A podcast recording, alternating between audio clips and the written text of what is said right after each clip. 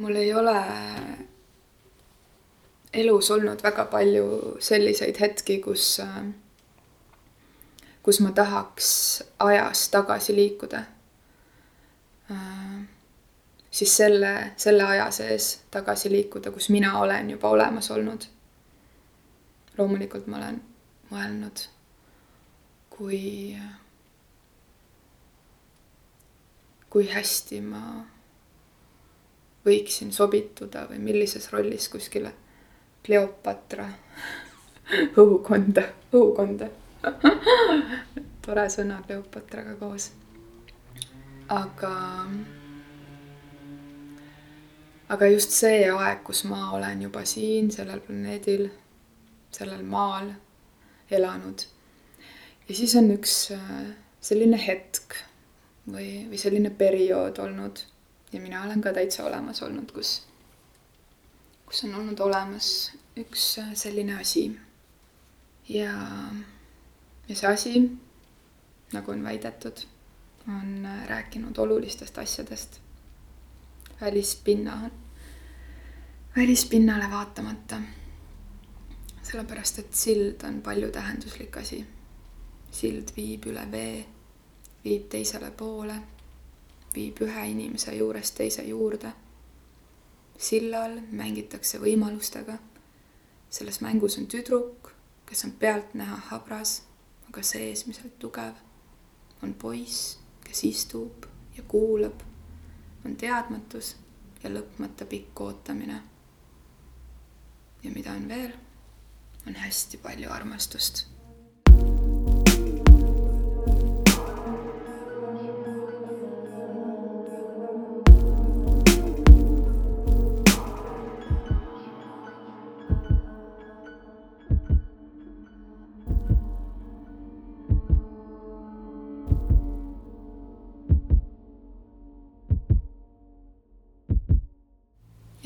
mõtlen tagasi ühe silla peale, mis kunagi kuskil on olnud.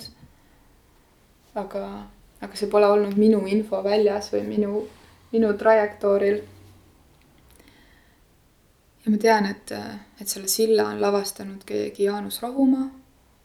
ja siis ma olen avastanud ennast elus mingitel hetkedel sillal olles, et hädasti, hädasti oleks tarvilik minna sellesse hetke kogema seda silda, mida kunagi Linnateatris on mängitud. nii et äh, kuidas sinna sillale saab mm,? see oligi üsna erandlik lavastus, sellepärast et ta oli ka minu jaoks selline üleminekulavastus nagu ka sild ühest võib-olla perioodist teise, sest et äh, selleks ajaks olingi ma üks kümmekond aastat aktiivselt nagu tööd teinud. ja siis oli selline moment, kus, kus, kus võib-olla mm, mul korraga ei, kohe ei olnud võtta ühte materjali, ma küsisin tätte käest, et. Jaani käest siis, et kas sul on midagi, mis sa oled mõtelnud, Jaan ütles, tal on üks monoloog. üks tüdruku monoloog, aga ta edasi ei tea, mis saab. ja siis ta hakkas seda kirjutama veel edasi siis ma lugesin seda, mulle see väga meeldis. seal oligi kaks tegelast äh, ja mees äh, rääkis väga vähe. aga noh, see, seda huvitavam see kõik oligi ja siis äh, mõtlesin, et jaa, aga seal peaks nagu teine pool ka siis olema juures. ja siis me põhimõtteliselt, ma alustasin proovidega ja me teadsime lihtsalt umbes, kui palju on näitlejaid. ja siis äh, äh, hakkasime teist osa niimoodi kirjutama, et Jaan kirjutas paar lehekülge valmis, ma viisin selle trupile, aga ma hakkasin nagu sisu, sisuliselt mõlema osaga proove tegema. et ikka huvitav lavastus sellepärast ka, et, et kuni äh, selles esimeses perioodis või selle esimese kümne aasta jooksul teatris, kui ma proovisin ka sellist äh,. hoida enda lavastustes alati mingit transcendentset joont ja sellist nagu leida, leida alati mingi koht müstika jaoks ja, ja sellise mm, seletamatu jaoks mis on keeruline. jube raske seda teistele seletada, et miks, miks seda sinna vaja on, aga kui ta seal nagu kohal juba on ja kohale tuleb, siis. siis ta on nagu hästi nähtav, hästi tajutav ja hästi meelde jääv. ja selle sillaga ka läks niimoodi, et see esimene mm,, esimene vaatus oli äh, hästi habras äh,. väga hea muusikalise kujundusega, mille tegi Mart Johanson. üks geniaalsemaid, mis, mis ma olen nagu enda etenduste juures nagu kuulnud. ja see teine vaatus oli nagu paljude jaoks nagu ehmatavalt robustne. kuigi see toimus äh, just vastupidiselt esimesele, mis toimus nagu võiks öelda siinpool, siis see teine vaatus toimus nagu sealpool. et noh, ma ise ei nimetanud seda päris põrguks. aga sellised sümptomid seal olid, aga, aga noh, selline limbo või vaheaste ta igal juhul oli, et kus need nii-öelda hinged, kes pole rahu saanud nagu seal toimetavad ja püüavad saada aru, mis nendega juhtus. aga, aga siis see esimene osa, mis nii-öelda oli realistlik või toimus noh päris kohas, päris silla peal. et see oli palju müstilisem see põrg oli palju reaalsem. ja kui ma hiljem mõtlen selle peale, et, et enam-vähem pärast seda lavastust ma tegin veel ühe kiire lavastuse sinna vahele. mis oli, oli ka veel nagu selline piiripealne, aga siis kui ma läks, ma läksin Aasiasse hästi pikalt ja, ja kui ma Aasiast tagasi tulin, siis ma hakkasin siukest puhast, puhast realismi tegema. millest ma ise suhteliselt ruttu ära tüdinesin. seega ähm, jah, et, et see on väga põnev, et sa sellest lavastust praegu räägid, et. et seda mängiti muidugi ka päris, päris mõnusalt ikkagi mingi, mingisugune sada viiskümmend korda ma pakun, aga. aga mis on selle pluss ka, et see on näidendina alles.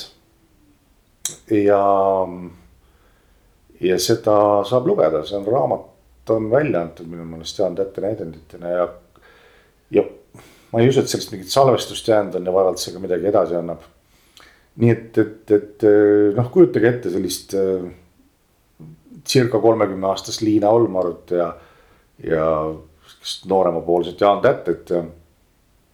ja kolmekümne aastast Jaanust ja siis kuidagi. noh, et umbes aastal kaks tuhat me midagi sellist võisime mõelda, et noh, et eks see. Ma ei tea, kas seda lavastust on hiljem tehtud või proovitud teha aga ta on ikka, mulle noh, tundub, et ta on sihuke rätsepa töö, et, et tookord sai nagu see lavastus sündis koos tekstiga koos ja. ma tean, et Saksamaal prooviti seda teha ja mina käisin seda veel hiljem tegemas Göteborgi kuninglikus teatris Göteborgi draamateatris. et aga seal oli ta niimoodi, et seal see rootsipärane selline äh, kalvinism või ma ei oskagi öelda. ratsionalism. ikkagi nagu pani talle oma päitsed pähe ja ta seda nagu, seda õhku tast sisse ei tulnud, mis, mis, mis siin Linnateatri lavastuses oli. ja see õhk on, ma arvan, ka oli seal sellepärast, et me oleme, või noh, et nagu eestlased või Eesti näitlejad on ka enda sellises religiooni tajus hästi ebamäärased me oleme küll kuskilt otsast väga usklik rahvas, me, me nagu tunnistame tunnustame kõrgema jõu olemasolu. aga ma ei taha sellele mingit nime anda ega siduda seda üldjuhul mitte mingisuguse nagu, nagu käibel oleva institutsiooni või, või sõnastusega, et, et lihtsalt, et. me teame, et see kuskil müstiline miski on, eks ju, aga, aga ma loodan, et, et selle tulemus ei ole see, et, et see. et see võetakse üle, see tunnetus mingisuguse sellise asja poolt umbes, et A, et raha teeb rikkaks või et B, et osta Bitcoin'e või midagi taolist. et eks see müstikataju ikkagi jääb äh, kuidagi siin ka edaspidi alles, et see usk mingisugustesse seletamatutesse kokkusaamistesse ja. ja suurtesse võimalustesse ja muinasjuttudesse, mis ei ole ainult seotud nagu startup'i maagiaga, vaid et ka mingisuguseid.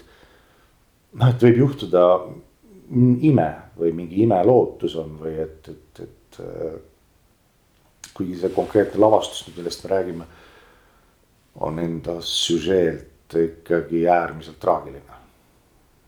et äh, aga, aga seda kuidagi sai vist edasi antud niimoodi, et, et see ei olnud nagu lõplik või et, või et see, mis nagu tast nagu siukene helisema jäi, et see oli ilus, nii et väga tore, väga tore, et sa andsid võimaluse selliseks äh, meenutuseks. ja me tõesti ei leppinud kokku, et kuidas see vestlus algab. mis sa arvad, kas see, et me ei taha nime anda siin üldistades eestlasena äh, kõrgemale jõule, kas see on mingisugune ihalus vabaduse järgi? mul esimene vastus minus on muidugi selline, et ähm, ma arvan, see on seotud sellise ebausuga. Et sa selleks, et mitte Pekot solvata, ei hakka sa nagu siin väga Vanemuist kiitma või Taarat, eks ju mm., Ukut, et. et sama asi on nende erinevate noh, okupatsioonidega või võimudega, mis siit üle on käinud, et sa nagu noh, on isand parasjagu see, kes on, aga sa nagu kedagi otseselt kõva häälega kiitma ei hakka, sest et ilmselt võim jälle muutub, eks ju, ja siis nagu teadagi eelmise korraga koostööd teinud inimesed üldiselt notitakse maha ja kuna see rahva pealekasv ei ole siin nii suur võib-olla kui, kui kuskil lõunapoolsetes maades on olnud, kus on samamoodi pidevalt käinud sõjad ja. ja kui keegi proovib riigipööret sooritada või mingisugust uut lugu sisse tuua, siis sellega kaasnevad alati ohvrid, aga. aga siin on kõik seda nii napilt käes, et, et ma usun, et siin on lihtsalt inimesed ettevaatlikumad. ja, ja teine ka, et, et usk on nagu vist siinkandis selline siseasi või isegi inimese enda küsimus tema enda nagu taju, et ta sellist kollektiivset kogemist. noh, on siin vähem olnud, kindlasti on see, kui sa rääkisid alguses ajarändudest, kindlasti ma tahaksin võib-olla korraks, korraks hüpata, kui ma räägin Eesti ajaloost, et sellesse perioodi, kus olid vennaste koguduste liikumised ja, ja e, mis nagu langes kokku põhimõtteliselt nagu orjusest vabanemisega, kuigi sisuline sõltuvus jäi mõisnikest aga see oli nüüd selline nagu ütleme, laulupeo eelne nagu aeg. kus, kus noh, eestlased tegelikult esimest korda võtsid nagu kristluse sisuliselt omaks. et aga need pidid olema noh, täitsa kõik olid iseennast üllatunud, et ikkagi noh nagu kollektiivselt ja üheskoos ja hüpati ja rõõmustati ja oldi õnnelikud korraga, tundus see maatükk jõle ilus ja inimesed su ümber väga ägedad, aga noh, see nagu ka lõpp kindlasti ka nagu oli sellel ekstreemsemaid variante siin, siin inimesed panid enda vara põlema ja, ja läksid siis lootuses ootama valget laeva sinna mere äärde, mis, mis lood olidki. aga ei tulnud. noh, siis tuli kuidagi tagasi minna ja eluga edasi elada. siis, et, et jah, et, et seetõttu see noh, kui küsimus, et kui me siin iga viie aasta tagant lauluväljakul käime ja laulame. mis asja me seal siis teeme tegelikult, et mis usku me kinnitame, et, et jah, et me oleme olemas ja et me püsime ja et kui sa süvened nendesse nii-öelda lauludesse või sellesse nii-öelda noh, sakraalsesse ruumi, mis neid äh, tekste ühendab, siis need on väga kummalised laulud. hästi, äh, hästi äh, noh, kurvapoolsed ja traagilised surm, surm istub nendes asjades nagu õudselt sügavalt sees.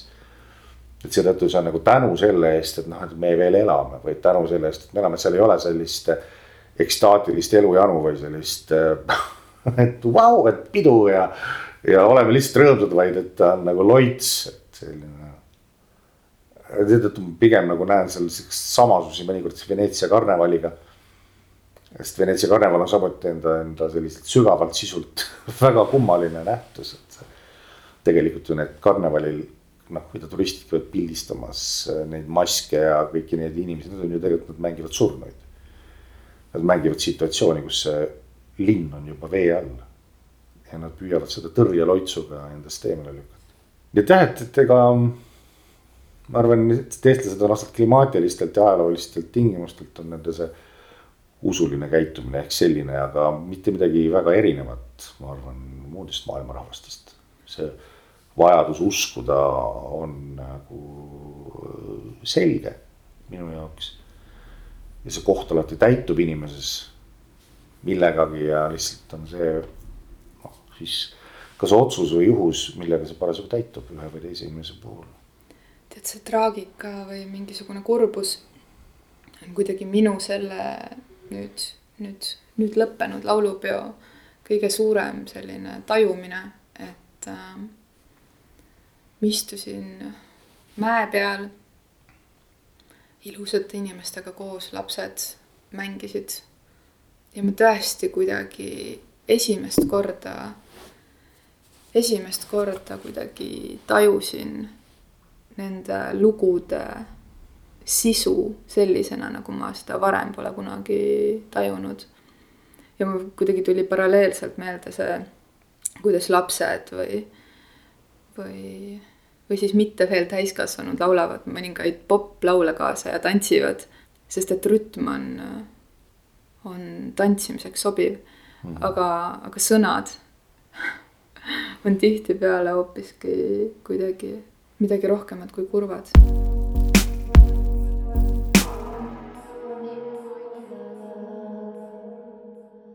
me oleme selle podcast'i jooksul siin erinevate külalistega ja Veikoga ka arutanud ja mina oma tutvusringkonnas või iseennast lahti harutades on tulnud üles nii palju see fakt, et me ikka veel siin oleme ka sõjalapsed, mis sest, et, et meie otseselt justkui pole sõda näinud. aga et see sõda on nii lähedal kuna sa tõid tõid välja selle, et me oleme pidanud nii paljudele uskudele noogutama aja jooksul, siis äh, päris isiklik küsimus. sa ise vaata, kuidas sa vastad, aga mis sa tunned, kui palju, kui palju sind kui inimest, kellel on võime armastada, on mõjutanud see, et, et meie vanavanemad on tulnud sõjast läbi, vanemad on otsapidi olnud sellele väga lähedal. minu jaoks on praegu see, see lugu nagu niipidi läinud, et, et see, see, see mm, sõda lõppes ära ikkagi Vene vägede väljaviimisega siit sellise laulva revolutsiooniga, et ma ise lõpetasin ta enda peas ära ka.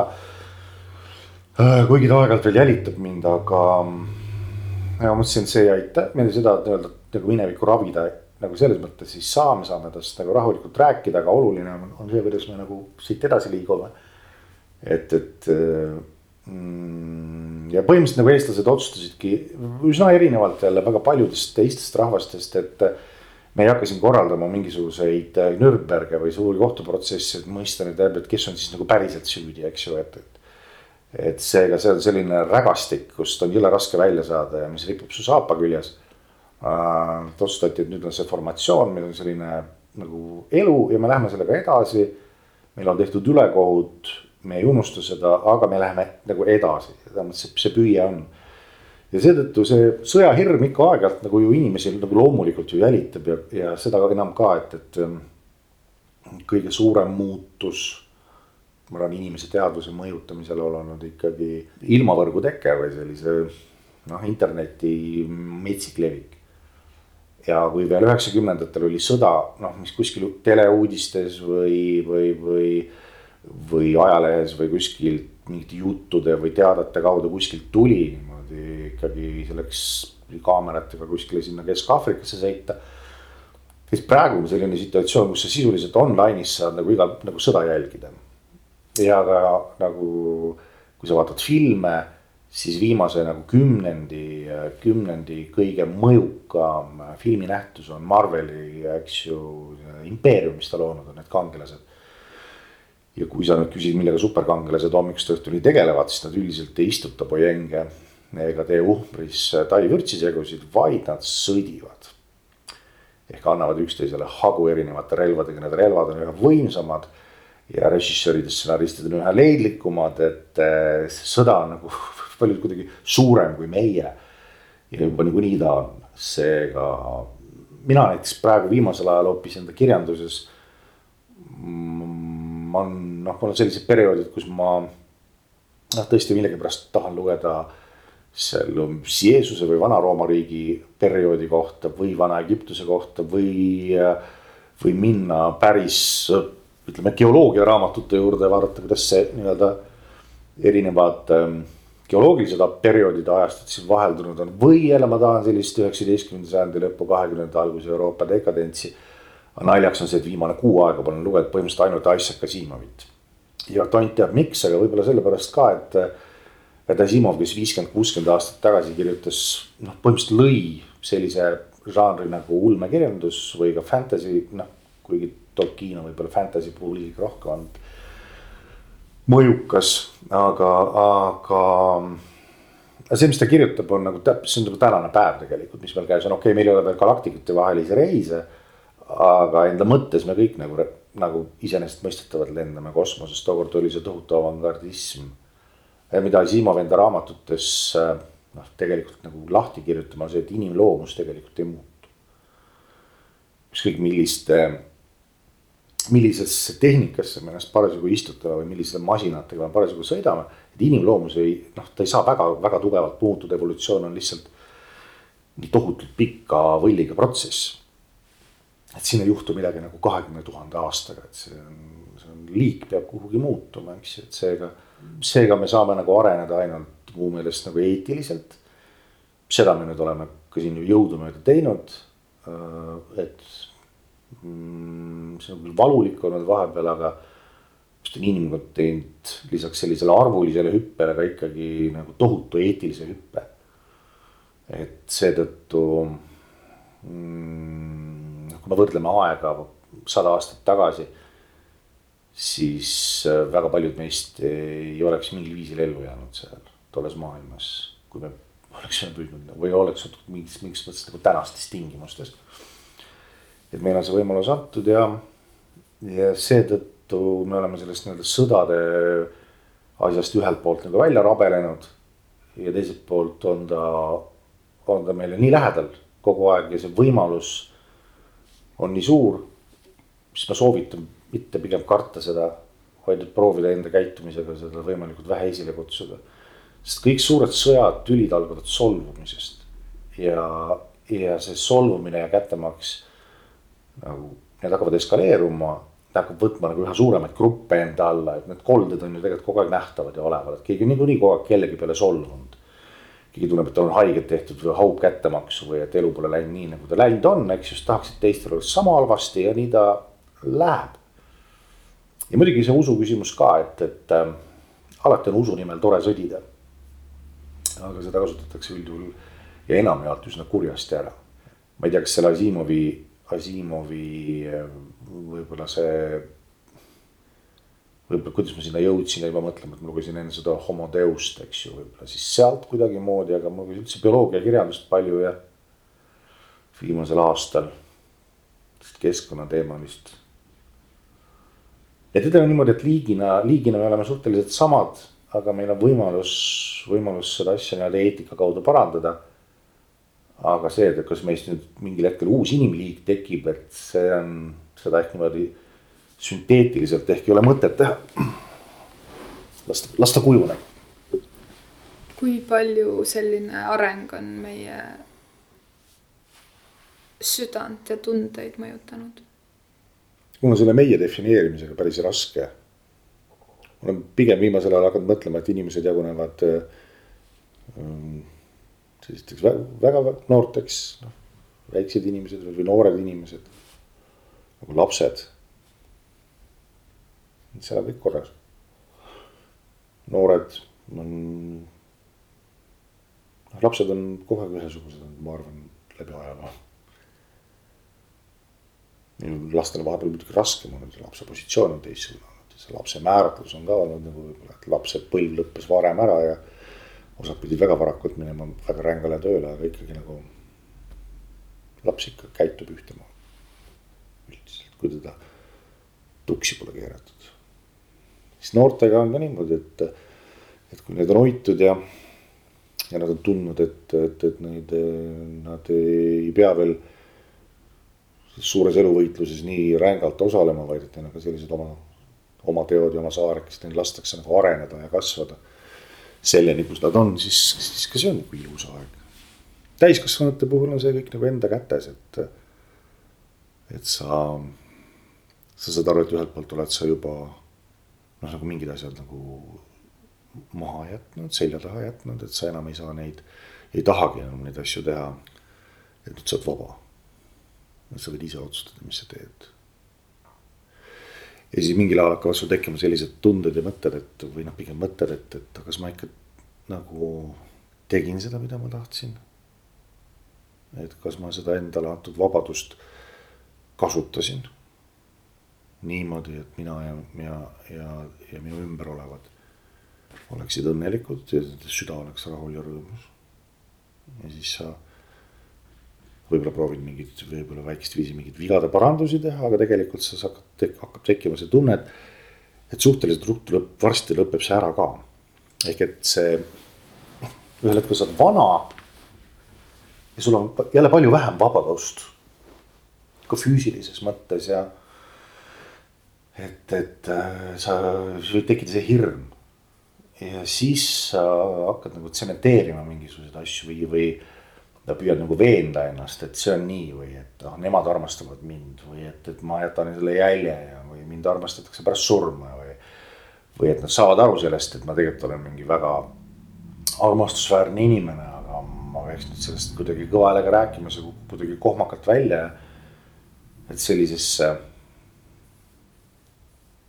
Et see on kõige keerulisem eluperiood, ma väidan, see, see täiskasvanud inimeseks olemine.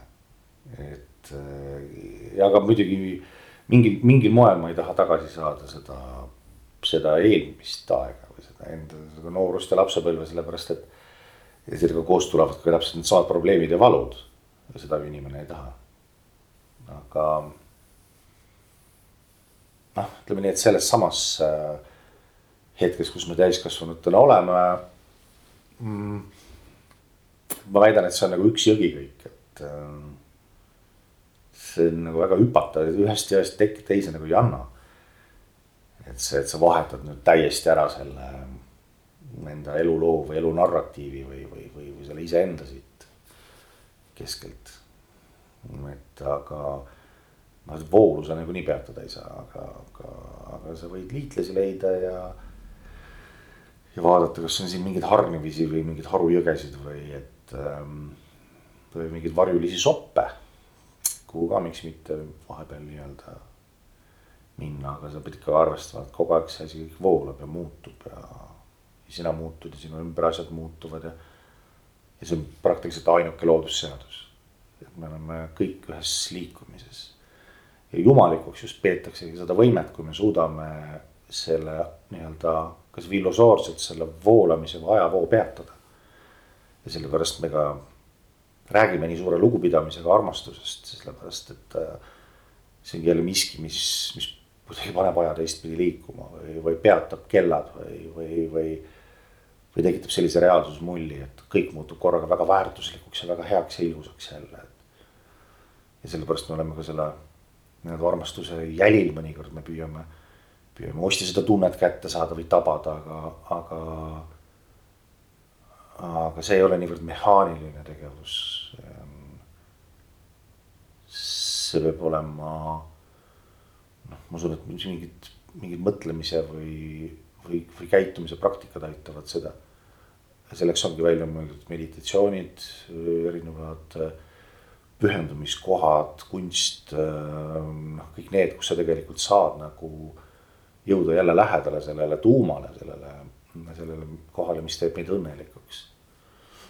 sest muidu sarnaneb see pilt ikka sellega, nagu Mati Undi üks geniaalsemaid äh, novelle on, mida ta kirjutas väga noore inimesena. sellise ratsa üle Boodeni järve, kus ta just nagu kirjeldas enda elu, et see lugu oli sellest, kuidas siis. et, et, et üks sõnumitooja, kes siis üle selle järve kihutas talvel hobusega tohutu kiirusega, et äh, kui ta oleks korraks kõhklema jäänud või mõtlema jäänud. siis oleks ta läbi jää vajunud, sest järve jää oli tegelikult hästi õhuke. ja siis see nii-öelda see hirm ja kiiruse tempo kannustas teda. et ta jõudis, jõudis teisele kaldale, aga kui ta mõtlema oleks jäänud või, või korrakski nii-öelda peatunud, siis oleks ta selle läbi selle augu vajunud, et see hirm hirm selle katkemise ees või sellise protsessi katkemise ees ei lase meid ka noh, sageli ei iseenda ega teiste juurde, et me ei luba endale seda hetke. aga võiks lubada. võiks lubada.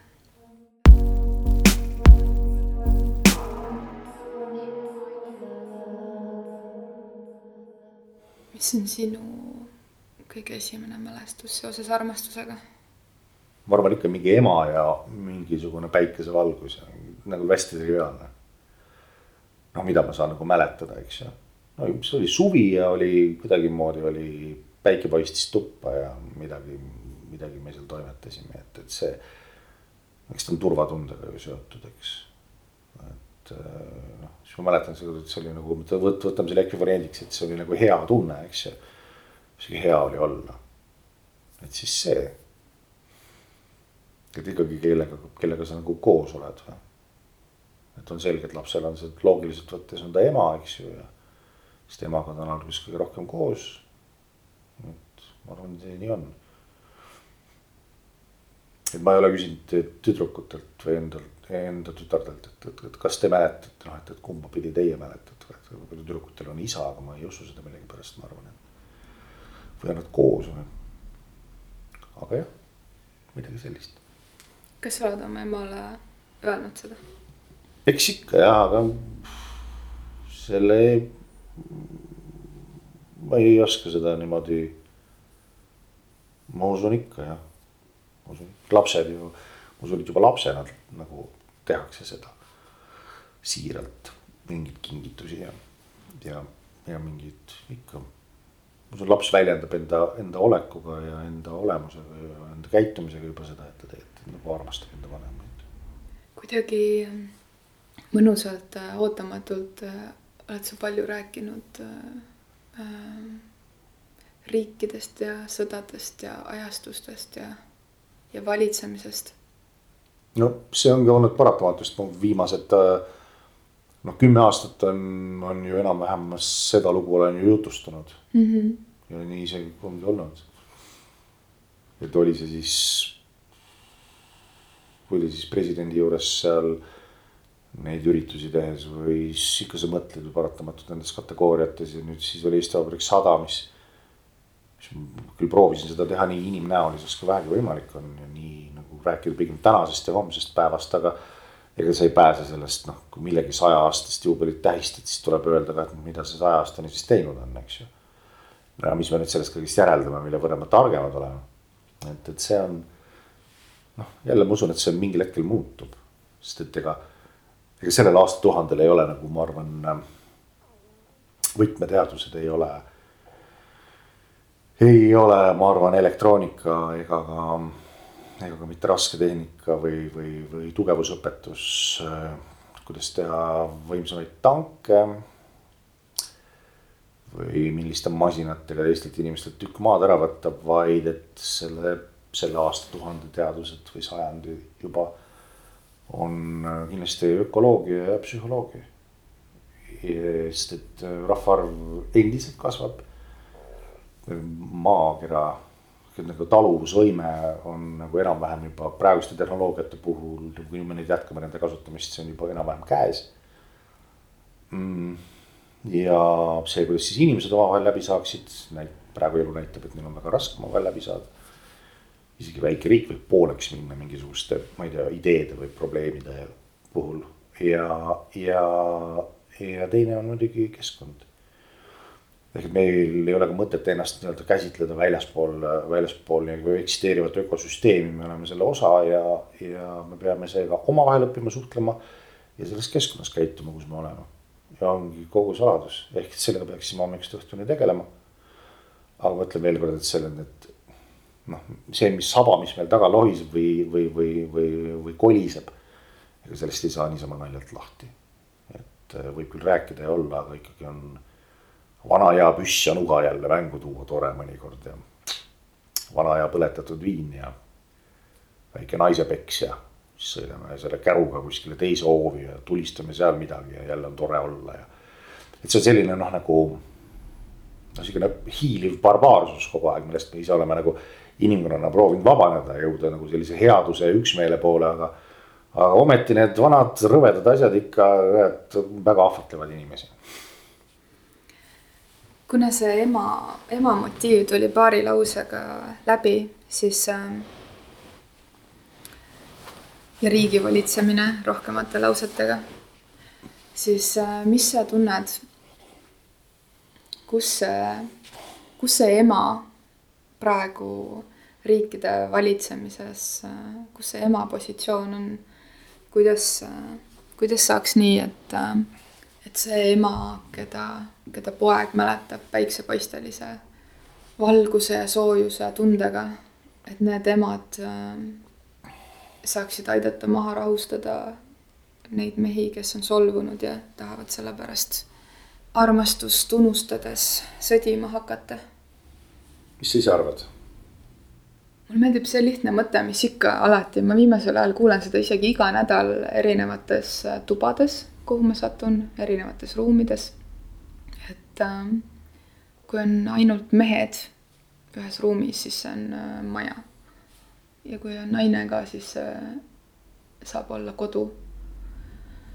ja, ja ma arvan, et on olulisi ruume, kus on vaja olla ainult meestel, on olulisi, olulisi ruume, kus on vaja olnud, olla ainult naiste seltskonnaga. ja, ja siis on mingid kohad, kus äh, meestel on vaja emmata naist endas ja naistel on vaja emmata meest endas. ja siis on need ruumid, kus me kõik koos ära mahume. Äh, ma ei ole feminist. ja mul on tunne, et, et naised, kes, kes praegu võib-olla jõuliselt sõna võtavad, teevad seda väga meesenergias olles. Jah, sellega olen nõus. mis ei liida situatsiooni seda väärtust, et situatsiooniga liitub naine. nii et äh, ma olen siin vaadelnud paar aastat ja, ja teinud oma tegemisi ja, ja vaikselt muutnud maailma, astudes samme, kasvanud. et äh, et ma sellesama jutu taustal siin sulle vastates saan aru kuidas on võimalik äh, pehmelt mõjutada väga suuri otsuseid ja mõjutada selle kõige positiivsemas äh, võib-olla mõttes.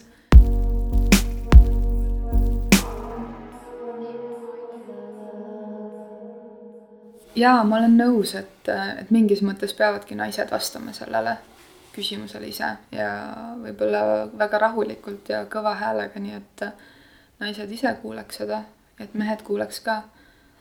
aga äkki siis see, mida mina küsin sinu käest, on see, et äh, sinu, Jaanus, kui härrasmehe käest, et kuidas mehed sellisel hetkel saavad naistele käe ulatada, et meil oleks lihtsam ka kõva häälega vastata ise sellele küsimusele? no see on keeruline küll, aga tegelikult see see vastus on kuskil seal, et, et, et mehed peaksid lubama naistel või laskma naistel olla naised. aga see, siis peab hakkama defineerima neid, neid asju, mis, mis on naiselikkus, mis on mehelikkus, mis laadi energiat need on. see vastab tõele, mis sa ütlesid, et, et tõesti sellistes juhtimisprotsessides või või, või suurte otsuste puhul või valitsemises on, äh, on kuidagi niipidi, et, et, et nagu naised peavad kehastuma nagu meesteks. ehk et võtma siis üle ka nende nagu mingid hoiakud, retoorikad ja nende, nagu sa ütlesid, selle energia. et kuidas me, kuidas me jõuaksime selliste inimlikumate, pehmemate valitsemisteni, et eks seda on ju ka katsetatud ja proovitud, Euroopa Liit katsetab seda nagu erinevate kvootidega ja, ja tõesti. see on nähtav tulemuslik, eriti Põhjamaades, kus tegelikult on nagu noh, meeste-naiste nagu roll olnud kogu aeg nagu võrdne või. või et see on paratamatu olnud, et muidu lihtsalt ei ela talve üle. ja, ja ka see, et ähm, praeguse seisuga niimoodi, et ka kui sa vaatad akadeemilist seltskonda, siis ka juba teadlaste hulgas tipp teadlaste hulgas on, on, on vähemalt pooled juba naised. ja siin on küsimus nagu vastastikuses lugupidamises ja ikkagi selles samas noh, nagu selles mõttes õiguste võrdsuses või.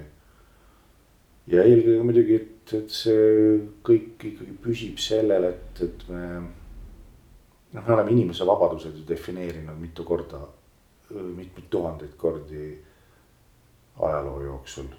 ja praegu võib öelda, et ühelt poolt meie vabadused ju kogu aeg, nii mõlemad, nii meeste kui naiste vabadused on tegelikult suurenenud. me oleme vabamad.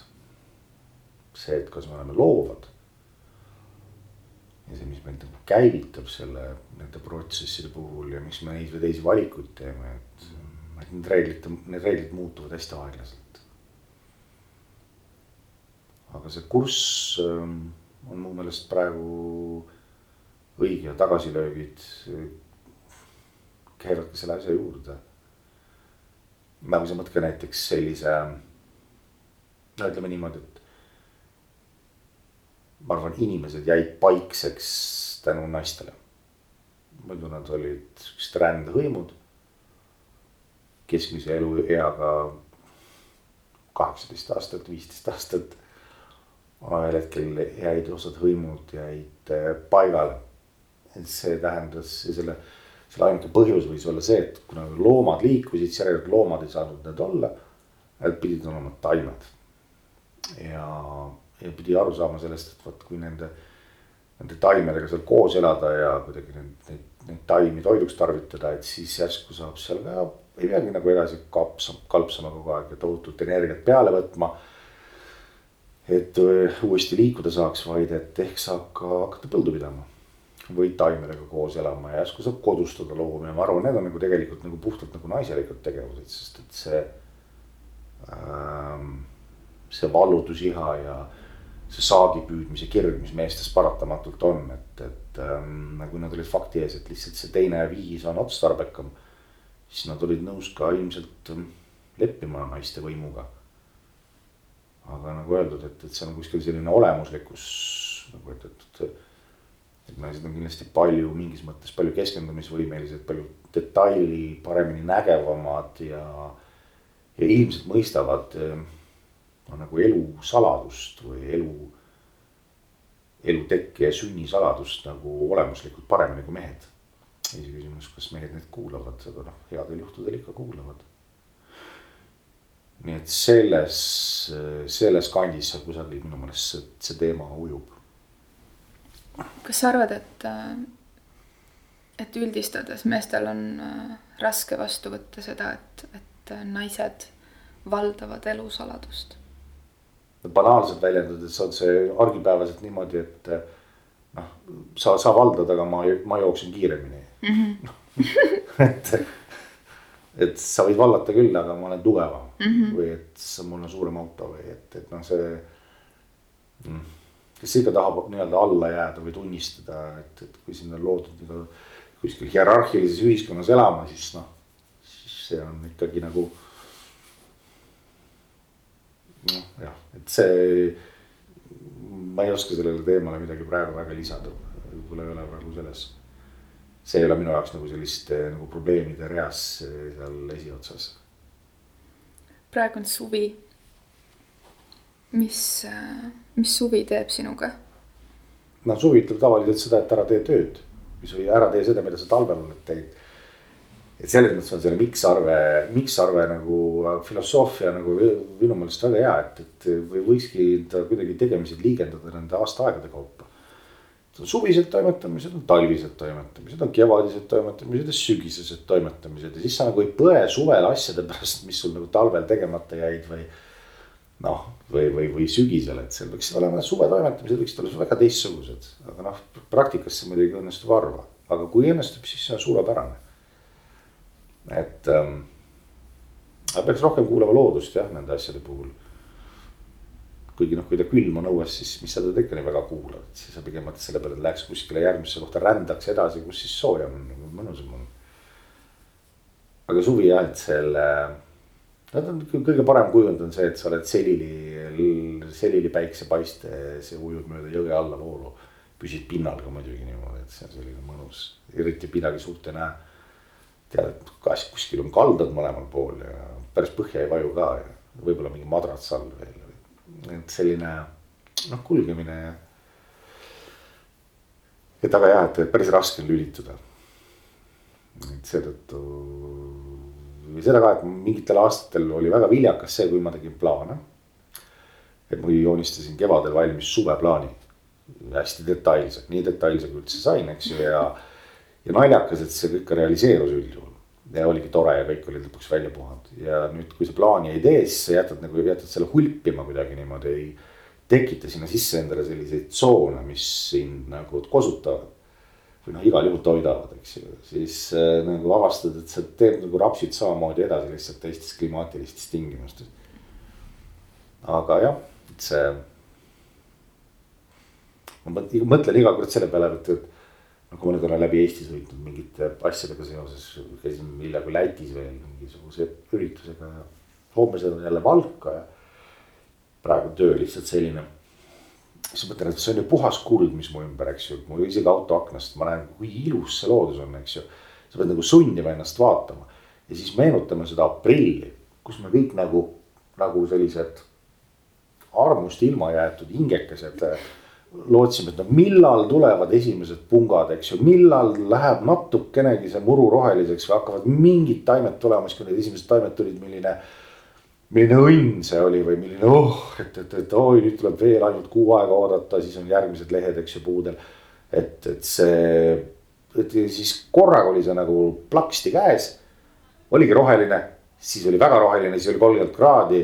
ja see oli nagu tavaline normaalne reaalsus ja nüüd me lihtsalt kõnnime suhteliselt tundetult nendest puudest ja põõsastest ja taimedest ja ilust mööda. et noh, see on nagu argipäev. ja, aga tegelikult seda just, et sundida ennast nii palju nägema praegu seda looduse, seda vaimustavat küllust. mis siin valitseb, sest et see on, see on väga ilus ja see, kui endasse lasta, siis see on, ongi suvi.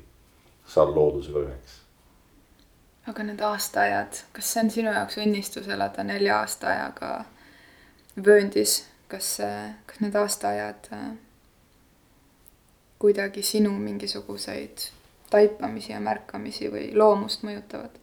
tead, mul on paraku selline seis elus või et ma olen sealmaal omadega, kus ma arvan, ma olen piisavalt palju talvesid näinud, mul on see tunne, et ma oleksin väga rahul, kui mul oleks äh, kogu aeg kakskümmend kaheksa kraadi ja paistaks päike ja oleks muidugi mõni puu, mille alla saab varju minna või mingi majakene, aga üldiselt ma oleksin väga hea meelega elaksin nüüd niimoodi.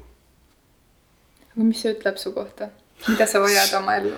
päikest ja soojust nagu kõik taimed mul on kuidagi aastaaegadega vedanud, et mul on neid neli nagu sulgi siin. ja siis, kui, ähm, kui need vahetused toimuvad niimoodi sujuvalt siis äh, ma ikkagi märkan tegelikult, et äh,, et, et ma olen andnud endale vabaduse sellest kõigest osa saada. ja, ja ma tegelikult ei pea ennast üldse sundima märkama mingisuguseid nüansse, sest et äh,, sest ma teen seda iseenesest. ilmselt see on ka seotud minu tegemiste äh, spetsiifikaga. Äh,. mul eelmine nädal äh, oli suve üks suurimaid sündmusi, naistelaager, naiste puna, kus oli koos umbes täpselt kolmkümmend viis naist Lõuna-Eestis. Ja, ja suve teises pooles augustis me korraldame meestelaagri. Mm ja täiesti ette hoiatamata küsin su käest, et äh, mis tunnet ühes mehes, kes ei, kes ei jookse laagrist laagrisse ühes täitsa tavalises, erilises, ilusas mehes tunnet, mis tunnet tekitab, et, äh, et äh, naised kutsuvad kokku mehed, et hoida neile ruumi mm,? ma olen olnud meestelaagrites, me tegime Peep Vaino juures äh, täitsa mitu tiiru neid võib öelda. et, et äh, ja ikkagi higitelgid ja kõik nagu niimoodi ja. ja, ja, ja eks see oligi selles mõttes sihukene karge ja, ja noh, sihukene natuke. natukene nahkne, aga selline ikkagi nagu sihukene hea, hea, hea tunde lõi tegelikult see ma ei, ma arvan, et see on väga, väga, väga teretulnud, väga tore mõte selline asi teha, mind huvitab, et palju sinna mehi tuleb teil. et kindlasti, kindlasti on see miski, mis noh, mis ma arvan, põhiargument on see, et, et ikkagi, mida tervemaks sa saad. nagu igaste laagrite mõte on ju see tegelikult, ega sa ei lähe laagrisse selleks, et ennast haigemaks ja viletsamaks teha, vaid sa lähed sinna saada tugevamaks ja, ja rahulikumaks ja et elu oleks mõnusam. et seega sind tundes ja, ja, ja, ja sinu tegemisi nii-öelda kõrvalt vaadates, ma arvan, et sellest tuleb üks tore laager. et mm, noh, eks see sõltub ka selles mõttes, et mis, mis sorti need asjad on, sest ma tean tegelikult ka nii, nii jooga kui ka, kui ka, kui ka erinevad meditatsioonid, eks ju, on, on, on meeste hulgas väga populaarsed, üha populaarsemad üha mõistlikumad tegelikult, eks ju ja lõpuks on iga inimene peab ise leidma endale selle, seda tasakaalupunkti, et, et just, et needsamu yingi ja yangi asju nii-öelda võrdselt teeks, et. et nii-öelda puu lõhkumist ja, ja, ja lillede istutamist oleks nagu võrdselt ja kalapüüki ja. see, kes, kes kuidas enda nagu elu, elu püsti ajab, sest et noh, et lõpuks ju noh, ikkagi mehed on väga paljus, väga paljus on naiste poolt üles kasvatatud, kui sa niimoodi mõtlema hakkad et võib-olla ainuke asi, mis mind selle asja puhul, noh mind isiklikult võiks nagu pisut nagu mõtlema panna või mis minus esimese hooga tekitab küsimuse, millele ma peaksin vastama, on see, et. et, et, et noh, et kuidas, kuidas, kuidas noh, see asi lahendada, et kas see, kas nad, kes need siis need naised on, kes seda korraldavad, kas nad on mu emad. või nad on minu sõbrannad või minu siis äh, võitluskaaslased või et noh, et kuidas sa seda. et noh, siiamaani nagu öeldud, et selline emalik hool või kasvatus või, või, või selline, et noh, et keegi kutsub sind laagrisse, noh, see on pioneerilaager või spordilaager või niimoodi. et, et kuidas neid rollimudeleid nagu siis iseenda jaoks nagu selgitada ja muuta, et see, et äh, aga see saab huvitav olla, ma arvan mm,. nii ilus vastus. kui sa järgmisel suvel seda saadet üle kuulad, siis äh, ja oled parasjagu just äh, selle madratsi peal, siuksed veekindlad kõrvaklapid peas, pehmelt allavoolu mm. liuglemas selles suunas, kus sa, kus sa soovid liikuda. siis äh, mis sa iseendale tahaksid kõrva sosistada sa oled seal, kus sa ennast kujutled olevat. meil on tohutu jõud seespool enda tulevikku äh, suunata. ja kui me, kui me seda piisava sellise tähelepanu ja intensiivsusega teeme ja laseme sellel asjal nagu tõesti nagu enda sisse jõuda, siis see tulevik kujunebki selliseks nagu äh,, nagu sa seda plaanid. seega. ma siis praegu ütleme, pigem teeks niimoodi, et selle järgmise aasta madratsil lebava tüübi puhul ütleksin endale. et ole hea mees, nüüd mõtle praegu väga hästi läbi, mis sa teed nagu järgmise aasta jooksul. mis sa tahad teha? kus sa tahad jõuda? mis sa tahad muuta? Mis sa tahad kogeda. sest äh, ka praegu minu jaoks selline ühe tsükli lõpp ja ma ise annan endale sellest aru ja see ei ole lihtne. et ma olen olnud üle kümne aasta ühes nagu süsteemis või masinavärgis. ja nüüd ma pean kuidagimoodi noh, mingisse teise kohta minema või teis või selle asja sisse minema või mingisugusele uuele territooriumile minema. siis ma ka mõtlen ja kaalun ja vaatan, et kus see asub või et kas ma kas ma lähen teen ühe jupi Antarktika reisi kaasa nüüd võib-olla või. või kuidas ma enda, enda sünnipäeva pean või et, või et ähm,.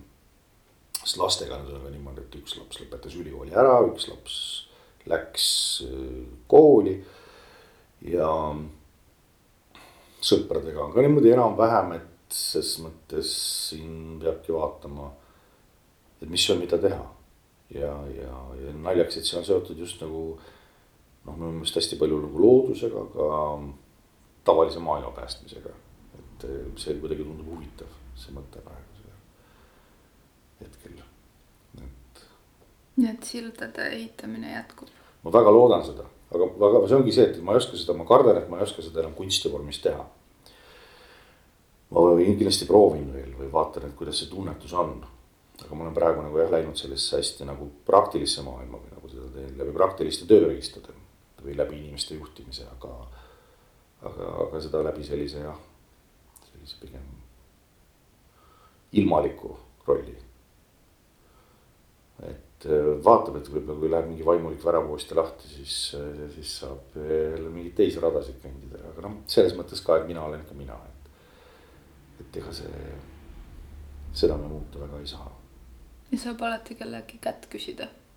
täpselt ja saab ka, saab ka niimoodi teha, et, et, et ähm, me oleme niimoodi ehitatud, et me oleme päris suure koormustaluvusega ja alles siis, kui nagu häirekellad lööma hakkavad või kui see nagu see keha või vaim väsima hakkab, et siis alles hakkad eh, nagu kuhugi minema, aga ma olen aru saanud sellest, et kõik sellised väikesed igapäevased olulised rituaalid on need, mida peaks inimene tegema.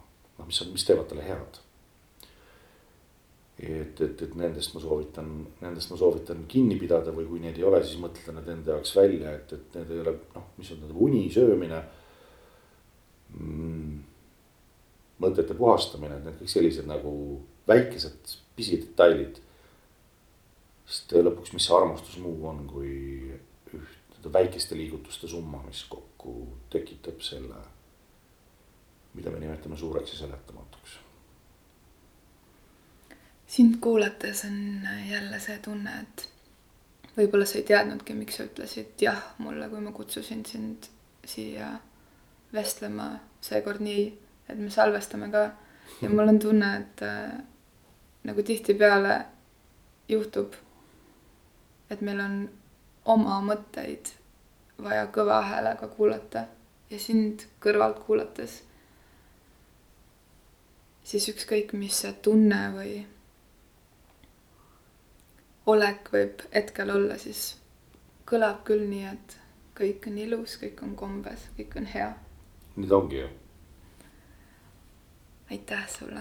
aitäh sulle ka ja väga tore on lõpuks siin olla, siis ma mäletan, kui te sellest mõttest mulle kunagi Veikoga rääkisite, see oli küll hiiglama ammu ju, vabandust. Te olete juba vanad vanad raadiosaate tegijad. Et siis mulle tundus, et, et, et ja et ja noh, et noh, nii palju sellist ähm, segadust ja müra on. et ilmselt ma oleks tookord tulnud sellise mingi sirge müügijutuga siia sa kartsid midagi teile maha müüma, mingit EV100 ürituste kava või midagi muud väga tore, aitäh sulle ka. oskan oodata õiget hetke. kohtume